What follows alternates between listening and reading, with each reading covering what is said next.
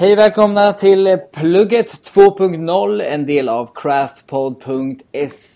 Jag heter Emil Jansson och med mig har jag Jörgen Floreden.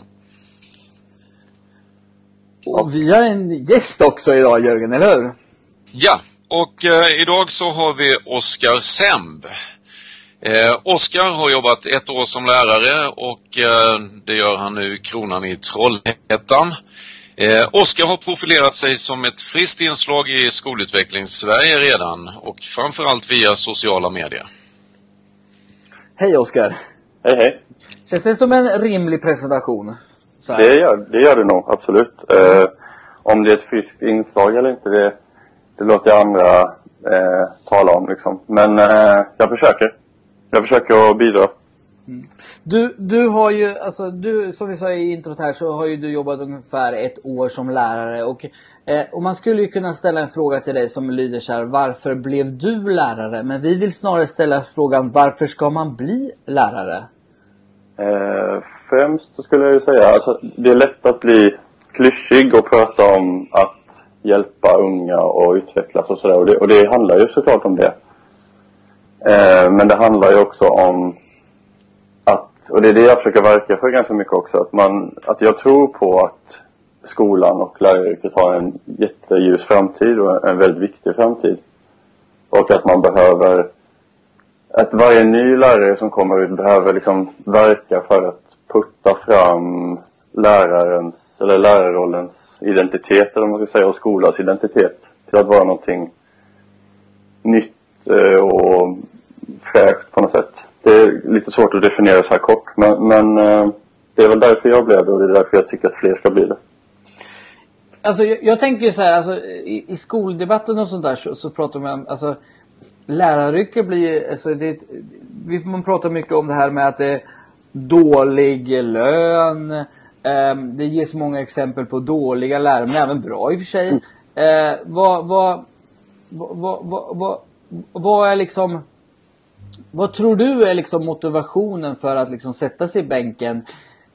Vad är det? 3,5 till 4,5 beroende på vilken grad man eh, blir lärare inom. Eh, vad, vad är det som gör att man med de förutsättningarna? Eh, jag tror att det är väldigt olika. Jag tror att det är så stor, eh, alltså vi pratar om flera tusen studenter. Eh, ett antal tusen som tar examen tror jag varje år. Och eh, en hel del av dem har säkert samma typ av ingång som jag har. Att man, man har det här grundperspektivet på att man vill stötta och, och hjälpa och utveckla. Men mm. man har också någon sorts perspektiv med att man vill utveckla skolan och man vill göra den bättre än den skolan man själv gick i. Sen så tror jag att, och jag tror att de allra flesta har det perspektivet, men jag tror att någonstans på vägen kanske det, det nöts ner eller man, man ja, verkligheten är ju ganska stor och ganska hård många gånger. Så att eh, jag tror att de flesta faktiskt som sätter sig i skolbänken har någon, någon sorts eh, perspektiv som liknar det. Men, men att det kanske efterhand blir eh, ja, att det liksom mattas av på något sätt. Inte hos alla men hos lite för många. Mm. Eh, jag har läst på lite här eh, innan vi skulle inleda det här samtalet med dig Oskar och eh, då ser jag på flera ställen att du beskriver svensk skola som, idag som bättre än någonsin. Sen samtidigt om vi följer mediebilden så ser vi i stort sett en skola som är i kris idag. Det kommer PISA-undersökningar och krisläget är ganska tydligt. Mm. Hur tänker du kring detta? Det beror på lite vad det är man, eh, hur man tänker kring det, hur man mäter. Eh, det jag tänker mig är att svensk skola är bättre än någonsin när det gäller medvetenhet och, och vad ska man säga, eh, att ha ett normkritiskt förhållningssätt och sådär. Att man, man har en större förståelse tror jag för massor med saker. Det är inte så konstigt egentligen. Däremot så, så tror jag att det blir att den kanske är lite fel designad och att den kanske är lite... Eh, jag tänker mig till exempel att många lärare, kanske nya lärare framförallt, kommer in i yrket och har förväntningar på yrket och på, på sin plats och sin roll i skolan som kanske inte riktigt överensstämmer med de behov och de krav som dagens samhälle ställer. Och, där, och, då, och det, jag tror att det handlar mycket om det. Så jag tror det handlar inte så mycket om att lärare kan mindre idag och är sämre på att lära ut eller att eller att eh, ja, eleverna skulle vara dummare eller att, ja, något, jag tror att det handlar mycket om att det är no någonting i förväntningarna och kraven som inte riktigt eh, matchar idag. Lika bra som det kanske gjorde förut då. Och det skulle kräva ganska stora förändringar inom skolan idag för att matcha de här förväntningarna, anser du? Ja, jag skulle påstå det. För att jag, jag har svårt att tro att det här beror på att lärarutbildningen har blivit så, sämre eller, eller att vi har alltså skolforskningen har blivit sämre eller att skolpolitiken egentligen har blivit sämre. Jag tror att det, jag tror att det är matchningen som är, är lite off. Och det, det är ju klart det är mycket svårare att, att komma, eh, komma fram till någon lösning där. För det krävs ju som, krävs, som du säger stora, rätt så stora och grundläggande förändringar. Mm. Vi var ju några stycken som eh, var över i London på Bettmässan för ett tag sedan och där hade jag förmånen att eh, höra Maria Wetterstrand berätta om eh, det här med förändringar i organisationer. Och hon tog ju då exemplet när hon tog över tillsammans med Peter Eriksson Miljöpartiet som då var i kris. Och då sa hon eh, någonting i stil med att eh, det, det var en bra förutsättning för att kunna genomföra förändringar. Tror du att eh, vi skulle kunna ha den situationen i svensk skola? Jag tror att, att det är precis så det är och att jag tror att eh, vi ser ju också exempel på ja, enskilda lärare eller, eller skolor eller kanske till och med börja se hela kommuner som gör fantastiska resor där, där man höjer resultat och där man framförallt gör andra saker och där man märker ett annat elev och föräldraengagemang och sådär. Ehm, och det, och det så att jag skulle säga att tittar man väldigt noga då på Skolsverige så ser man redan exempel på där, där man gör den här resan tror jag. Och, och det eh, så att läget kan ju ses mörkt ut sådär om man tittar på mätningar och om man tittar på Skolsverige som en helhet. Men, eh, och det är såklart viktigt att, att hela Sverige eh, uppgraderas eller vad man ska säga. Eh, men, men eh, jag tror att det där är på väg och jag tror att det eh, är många som, som har just det perspektivet att ur, ur en kris, eller vad man ska kalla det, eller ur ett smärtsamt uppvaknande så, så gör man ju också eh, får man också många insikter om vad det är som behöver göras och hur, hur man eventuellt skulle kunna göra det och sådär. Och att alternativet då att fortsätta som man har gjort eller att backa, det, det, det blir ju mindre och mindre eh, det blir ett sämre och sämre alternativ helt enkelt. Så, så jag tror att, att det är precis så det är. Det finns alltså, när man åker så på olika liksom, konferenser eller man möter olika skolor och sådär och, eh, och även när man ser diskussionerna på nätet och vart det än är så, så, så, brukar det ibland vara nästan som man tänker två vägar till att liksom, liksom lyckas med, eh, med en skola. Alltså om vi pratar skolan som eh, skolan, skolan, fysiska skolan på en plats liksom så. Och, och, jag tänkte bara, eh, hur tänker du för de två vägarna som, som vi pratar lite om, eh, jag och Jörgen, så pratar vi lite om att det finns en väg som man, eh, en, eh, där, där man lägger fokus på att ha skickliga lärare. Alltså där, där läraren sätts i fokus och, och är eh, skicklig. Och det andra vägen är att man pratar om en tydlig helhetsbild där man pratar mer om organisationen, där man tillsammans eh, liksom ehm, eh, går eh, Alltså går, går mot något gemensamt mål eh, eller pedagogisk riktning och så. Vad, vad, vad, vad, vad, vad, vad tror du är liksom den, eh, den rest, ett, något bra liksom, vad skulle du ge för tips? Om man, vad skulle man välja de där två grejerna? Mm.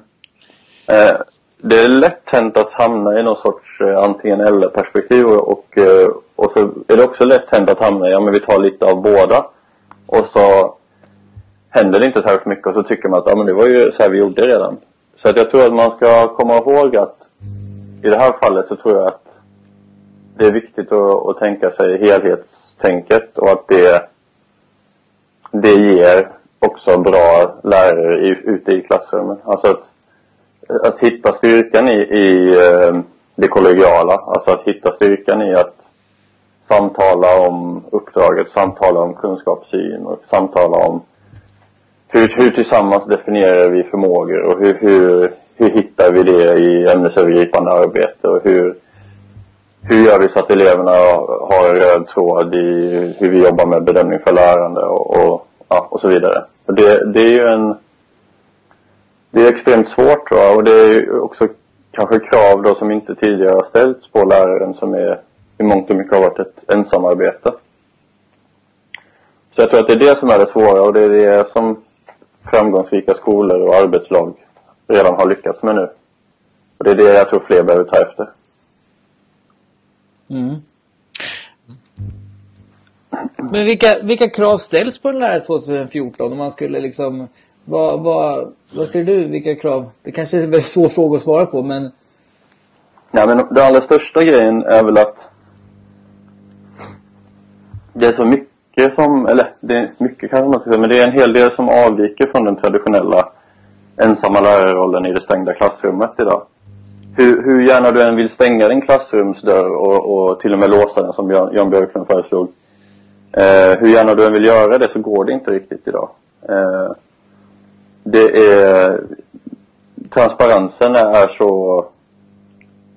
Det genomsyrar ju hela vårt samhälle, just det transparenta tidsåldern eller vad man ska kalla det. Och det gör ju att, att eh, kollegorna på skolan, elever som du inte ens har i ditt klassrum eller föräldrar eller din chef eller vad det nu kan vara har, har en annan insyn och det tror jag man måste omfamna mer och prata mer om eh, vad jag gör i mitt klassrum och fråga vad kollegorna gör i sitt och, och, och sådär. Eh, och eh, jag tror att också att då, då blir det lite känsligt genast va. Och jag tror också att när föräldrar eh, eller folk utanför skolan överhuvudtaget ifrågasätter eller undrar mer om vad som händer och, och, ställer, och det ställer liksom lite andra krav då. Och det, det, det, det kan ju låta stressande, det kan låta som ett hot eller det kan låta jobbigt. Men, men man ska komma ihåg att i stort sett alla andra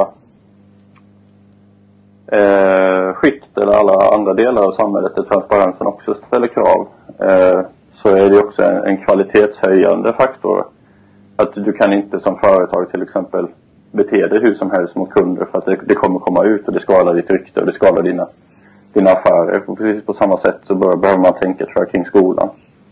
Så egentligen kan man säga så här att alltså, alltså skolutveckling, alltså, det, alltså det är, det ett steg som man skulle kunna ge som en rekommendation till skolor som inte eh, alltså som inte liksom är är där skola 2014 är att öppna upp mer, alltså öppna upp dörrarna till klassrummet och kanske till och med ta bort dörrarna rent eh, metaforiskt eh, till klassrummet och vara en mer öppnare transparens i, mm.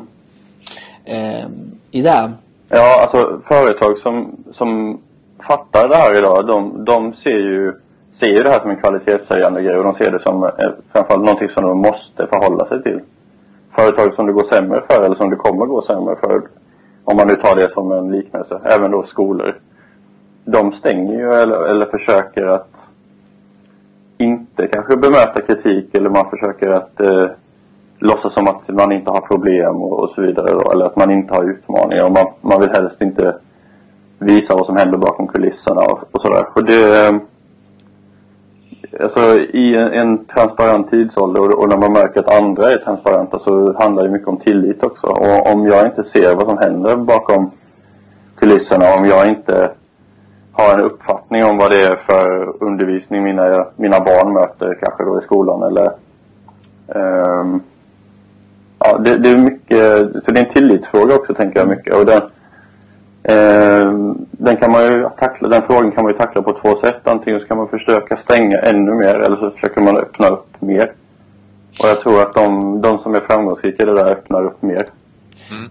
Hur, hur skulle den här transparensen, transparensen rent konkret kunna se ut för skolan idag? Ja, men jag tänker till exempel att om du har eh, om du ser kontakten med föräldrar till exempel. Om du tittar på det mm. som som ett led i det här så, så, så vill du ju eller, så behöver du nog tänka dig, även om det inte är så att föräldrar och elever kanske köper fysiska produkter av dig som skola eftersom du, det är, du är inte ett företag på det sättet så ska du komma ihåg att har du ett kundperspektiv eller du har ett perspektiv med att de ska vara nöjda så gör, har det effekter på din, på din undervisning. Det har effekter på hur hela din skola arbetar. Är du till exempel i ett skolområde där, där du jobbar hårt för att föräldrar och elever i skolområdet ska ha ett bra, en bra bild av vad ni gör och, och som ska ha, känna stor tillit till det ni gör. Eh, så kommer det ju också att, eller det är åtminstone min övertygelse, så att, att det också spelar roll i undervisningssammanhang och det spelar roll på friluftsdagar, det spelar roll på händer i hemmen och hur man pratar om skolan i, i hela området och, och sådär. Eh, och det, det är sånt där som kanske traditionellt sett inte riktigt har varit eh, en jätteviktig del i skolans arbete. Jag kan tycka... man, man har haft någon sorts, eh, ja vad ska man säga, Eh, status eller mandat eh, liksom per automatik bara av sin eh, roll då i samhället. Men, men det funkar inte riktigt så längre idag. Jag kan tycka det är, är rätt intressant eh, att, att vi heter det med det här med, med eh, alltså det här med, med att man både ska öppna upp för liksom för eh, för Eh, för att, att få insyn, att alltså, alltså vårdnadshavare, allmänhet och så vidare ska se mer och mer av skolan och sånt där. Samtidigt så finns det ju också en, ett väldigt ansvar i att förklara vad det är eh, man gör i skolan och varför man gör som man gör. Jag menar skolan har ju förändrat rätt så mycket, i alla fall de flesta föräldrar gick själva i skolan. Jag brukar, jag brukar kalla det för det här alla gått i skolan syndromet som eh, lite lider av. Eh, att, eh, att, att om inte liksom skolan eh, signalerar så det här jobbar vi med. På grund av detta jobbar vi med det här. Så är det lätt hänt att det blir sådana här diskussioner att där, min skola är inte bra för att, eller min, mina barns skola är inte bra för att de har inte läxor. Mm. Att det blir, att det blir så här, det blir så här kvitton för kvalitet som inte, som har förändrats sen de mm. själva gick i, gick i skolan. Och, och, eh. och jag tänker att det kommer in igen det här som jag pratar om att, att jag menar, om du då tänker dig att så här, du förstår som lärare eller kanske som sko hel, hela skolan då förstår att vi behöver förändra vår pedagogik, vi behöver förändra vårt sätt att jobba. Eh, vilka är de första som kommer ha synpunkter på det här? Jo, det är antagligen elevernas föräldrar. Och hur, hur kan man möta en sån grej? Hur kan man vända det till att det skulle vara en positiv utveckling och att inte någonting som man behöver arbeta i uppförsbacke i, i flera år? Det enda sättet egentligen är ju att göra som du säger, att bli bättre på att tala om varför gör vi det vi gör? Vad ser vi som vinsterna med det här? Hur är vi beredda att möta föräldrarna i det här? Och eleverna. Och då, då, då, är vi fort, då är vi inne på det här igen med att vi måste öppna upp mer, vi måste prata mer om vad vi gör och varför vi gör det. Um, jag, skrev ett blogginlägg häromdagen eh, om eh, att skolan behöver ge eleverna ett erbjudande som de inte kan tacka nej till. Alltså, och det gör man ju bara genom att förklara vad erbjudandet är och varför det är bättre än ett annat erbjudande. Mm.